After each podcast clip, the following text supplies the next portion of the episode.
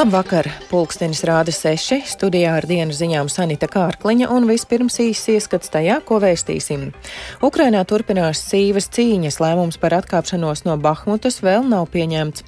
Valsts policijai pagājušais gads bijis viens no sarežģītākajiem pēdējā laikā, un vēl vai trešās grupas invalīdiem sabiedriskajam transportam jābūt par velti par šiem un citiem tematiem plašāk ziņu turpinājumā.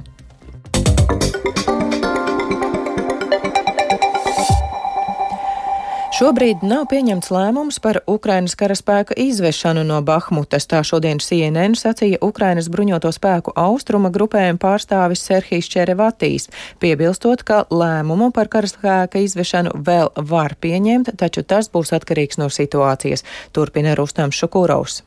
Ja mēs redzēsim, ka apdraudējums mūsu militārajam personālam un mūsu operatīvās darbības vidē ir lielāks par nepieciešamību noturēt teritoriju, mēs to darīsim, bet darīsim to organizēti, bez panikas, sacīja Čirivatīs. Ukrainas bruņoto spēku pārstāvis piebilda, ka lēmums par atkāpšanos tiek pieņemts štāba sanāksmē, bet pēc attiecīga frontes pavēlniecības pieprasījuma. Tikai pavēlniecība redz, cik liela ir vajadzība šajā situācijā. Tad arī štāba sanāksmē tiek pieņemts atbilstošs lēmums, sacīja Čirivatīs.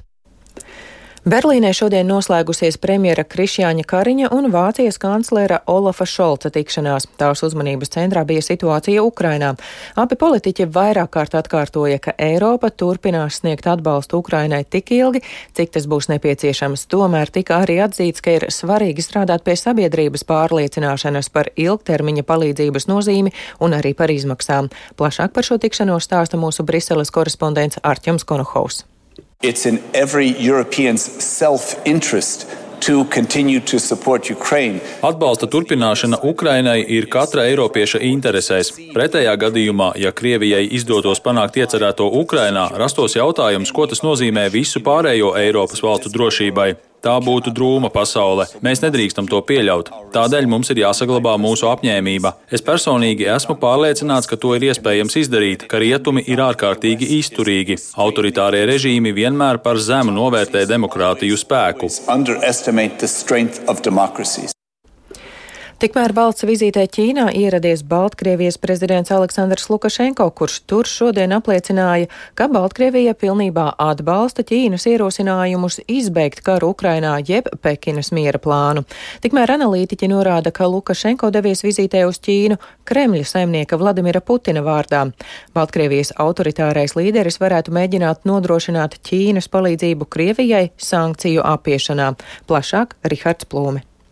Baltkrievijas autoritārā līdera Aleksandra Lukašenko vizīte Ķīnā notiek laikā, kad rietumu attiecības ar Ķīnu kļūst ar vien saspīlētākas saistībā ar bažām par Pekinas līdzšanējo un potenciālo iesaisti karā Ukrainā, palīdzot Krievijai. Vēl nesen Pekina, kas sevi pozicionē kā neitrālu, publicēja savu miera plānu, jeb tās redzējumu, kā būtu izbeidzams karš Ukrainā. Šis plāns no rietumu puses ticis kritizēts. Tikmēr Lukašenko šodien pirms sarunām ar Ķīnas amatpersonām uzsvēra, ka Baltkrievija pilnībā atbalsta Pekinas ierosinājumu par kara izbeigšanu. Сегодняшняя встреча проходит в очень непростое время. Šodienas sanāksme notiek ļoti grūtā laikā, kas prasa jaunas, netradicionālas pieejas un atbildīgus politiskus lēmumus. Tiem galvenokārt jābūt vērstiem uz to, lai novērstu globālu sadursmi, kurā nebūs uzvarētāju. Tikmēr ASV Domnīcas kara studiju institūts analītiķi norādījuši, ka Lukašenko vizītes laikā varētu palīdzēt īstenot Ķīnas un Krievijas sankciju apiešanas schēmas. Sankcijas rietumi noteikuši ne tikai pret Maskavu, bet arī pret Mīnsku, un vēl šo pirmdienu Eiropas Savienība paziņoja, ka uz gadu pagarina sankcijas pret Baltkrieviju par tās nepārtrauktajām represijām pret opozīciju un atbalstu Krievijas karam Ukrainā. Rihards Plūme, Latvijas radio.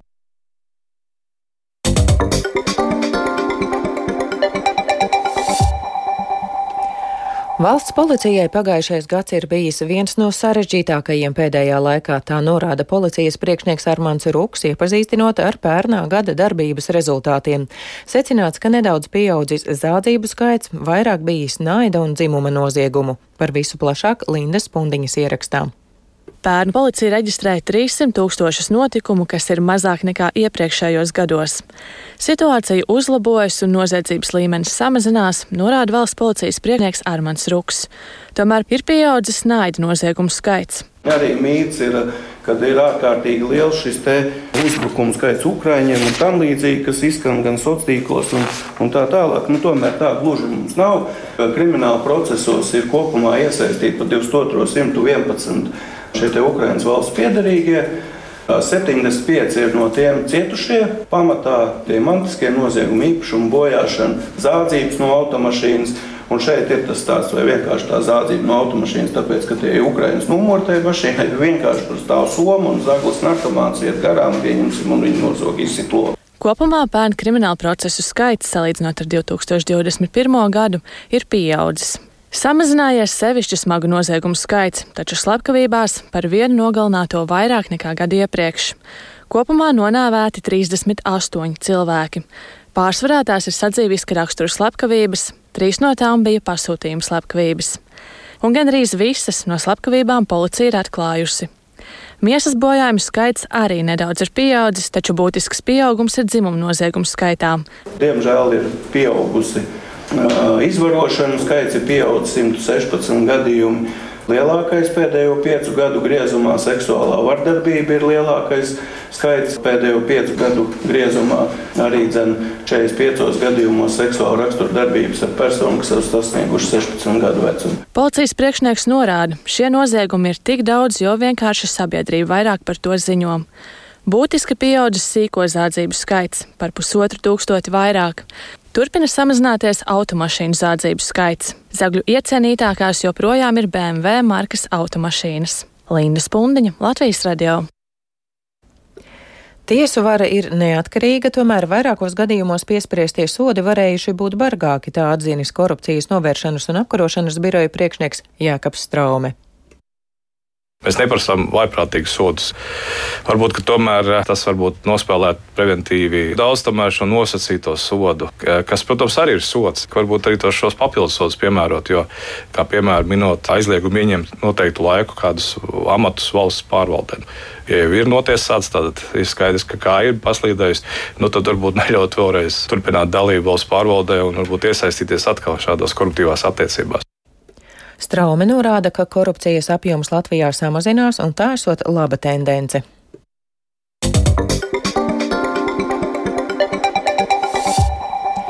Algas lielums Latvijā šogad turpina kāpt, taču pērn izraisīto straujo dzīves dārdzības pieaugumu sasniegs tikai nākamajā gadā, tā vērtē banku ekonomisti.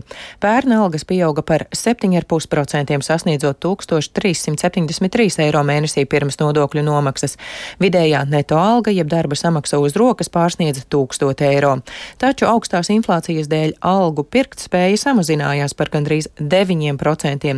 Tādējādi vidējais algu kāpums bija divreiz lēnāks par dzīves dārdzības tempiem. Šogad gan ir gaidāma daļēja pirktspējas atjaunošanās, tā vērtē ekonomisti. Vai personām ar trešās grupas invaliditāti sabiedriskais transports visā valstī būtu jānodrošina bez maksas? Tas prasīts vairāk nekā desmit tūkstošu cilvēku parakstītā iniciatīvā, ko šodien sāka vērtēt Saimas mandātu ētikas un iesniegumu komisija. Novērtējot to kā labu ideju šīs sabiedrības grupas neatstumšanai un labākai piekļuvēji ārstiem, darba vietai un citām norisēm, deputāti vienojās šo iniciatīvu nodot vērtēšanai Saimas sociālo un darba lietu komisijām. Vairāk Jāņa Kīņša sagatavotajā ierakstā. Pašlaik Latvijā bezmaksas sabiedriskais transports nodrošināts cilvēkiem ar pirmās un otrās grupas invaliditāti un viņus pavadošajiem cilvēkiem. Atbilstoši Labklājības ministrijas aplēsēm, gadā no valsts budžeta tam izmanto ap 18 miljoniem eiro. Latvijā ir vēl vairāk nekā 80 tūkstoši personu ar trešās grupas invaliditāti, kuriem lielākoties jāsadzīvo ar daļējiem kustības vai darba spēju ierobežojumiem. Pašlaik bezmaksas sabiedriskais transports nodrošināts vien atsevišķās pašvaldībās deklarētajiem pārstāvjiem šīs sabiedrības grupas pārstāvjiem, piemēram, Rīgā vai Jūrmalā. Braukšanas maksas atvieglojumu uz viņiem citviet neatiecas, un to vēlas labot 10.119 parakstītāju virzītās iniciatīvas autori. Turpina viņu pārstāve Santa Survila kas skar veselības aprūpi. Pārsvarā visi speciālisti ir Rīgā, un cilvēki, kuri dzīvo citās, arī lielākajās Latvijas pilsētās, ir spiesti doties uz Rīgu un ir jāmaksā par savu naudu Tātad, ja šo trešo grupu varētu pielīdzināt arī, ka transports būtu bez maksas gan starppilsētu, gan vietējās nozīmes, ka šie cilvēki vieglāk varētu integrēties, vairāk iekļauties darba attiecībās un arī mācīties. Labklājības ministrijas ieskatā ir jau gana domāts, kā atvieglot personu ar trešās grupas invaliditāti pārvietošanos. No valsts budžeta reizes pusgadā šiem cilvēkiem nodrošināt 79,68 eiro liela kompensācija, ko izmantot sabiedriskā transporta izmaksu mazināšanai vai auto pielāgošanai. No šā gada jūlija šis pabalsts augs līdz 105 eiro. Pēc satiksmes ministrijas aplēsēm bezmaksas reģionālās nozīmes pārvadājumu arī trešās grupas invaliditātes personām izmaksāt aptuveni 3 miljonus eiro gadā. Šajā summā nav ierēķināti pārvadājumi pilsētās. Vai šim nolūkam paredzēt līdzekļus būs iespējams lemt ātrākais par 2024. gada budžetu? Vispirms šo jautājumu saimnes deputāti plāno nodot lemšanai Saimas sociālo un darba lietu komisijā. Jānis Kincis, Latvijas radio. Latvijas studentu apvienību neapmierina jaunā Rīgas satiksmes cenu sistēma studējošajiem. Jaunā kārtība paredz, ka studējošajiem tiek piemērota 50% atlaide mēneša biļetē, tomēr ir likvidēta atlaide vienreizējiem braucieniem. Pirms izmaiņām studējošajiem 60 minūšu brauciens izmaksāja 30 centu, taču nu cena šobrīd par braucienu ir piecreiz lielāka - eiro 50 par braucienu, stāsta studentu apvienības prezidente Liene Levada. Ņemot vērā energoresursu cenu krīzi un inflāciju, šobrīd uh, liela daļa augstskolu savu studiju procesu organizē attālināti, kas nozīmē, dažādi izdevumi, piemēram, vairāk kā elektrība, krīt studējošo pleciem. Un, uh, Tā skaitā arī viena no problēmām ir tāda, ka studējošiem finansiālais atbalsts vēl joprojām no valsts ir tikai 140 eiro mēnesī kā stipendija. Šis ir vēl tikai papildu trieciens studējošo budžetam, ka uh, nav iespējas vairs uh, iegādāties lētākus braucienus. Līdz šīm izmaiņām mums dati parāda, ka lielākā daļa nepirka mēneša biļeti. Tas nozīmē, to, ka viņi saprata, ka viņiem finansiāli izdevīgāk ir braukt par šiem 30 centiem. Rīgas doma pagaidām neplāno ieviest jaunas izmaiņas studentiem sabiedriskajā transportā. Tikmēr valsts asins donoru centrā Sēlpils ielā šodien atklāja jaunu donoru zāli. Tajā apvienotas trīs līdz šim atsevišķas nelielas zāles. Tagad ir vairāk vietu donoriem, bet personāls optimizēts. Tur pabija arī mūsu kolēģi Zana Eniņa. Ko? Šādi noskan elektroniskie svari, kad uz tiem novietotais plastikāta maisiņš piepildījies ar vajadzīgo daudzumu donoru asiņu.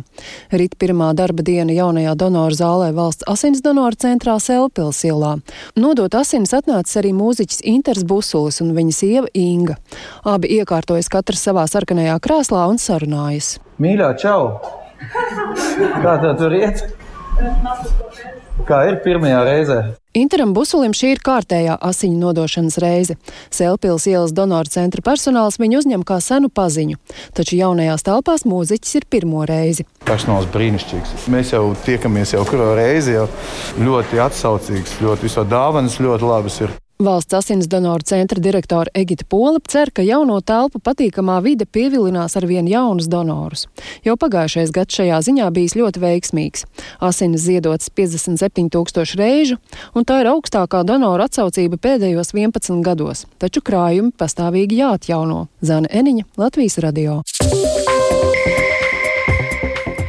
Ar to izskan dienas ziņas sešos vakarā. Producents Edgars Kupčs ierakstus montēja Uldis Grīnbergs pie skaņu pults Kārlis Grašmanis, bet studijā Sanita Kārkliņa un vēlreiz īsumā par dienas svarīgāko.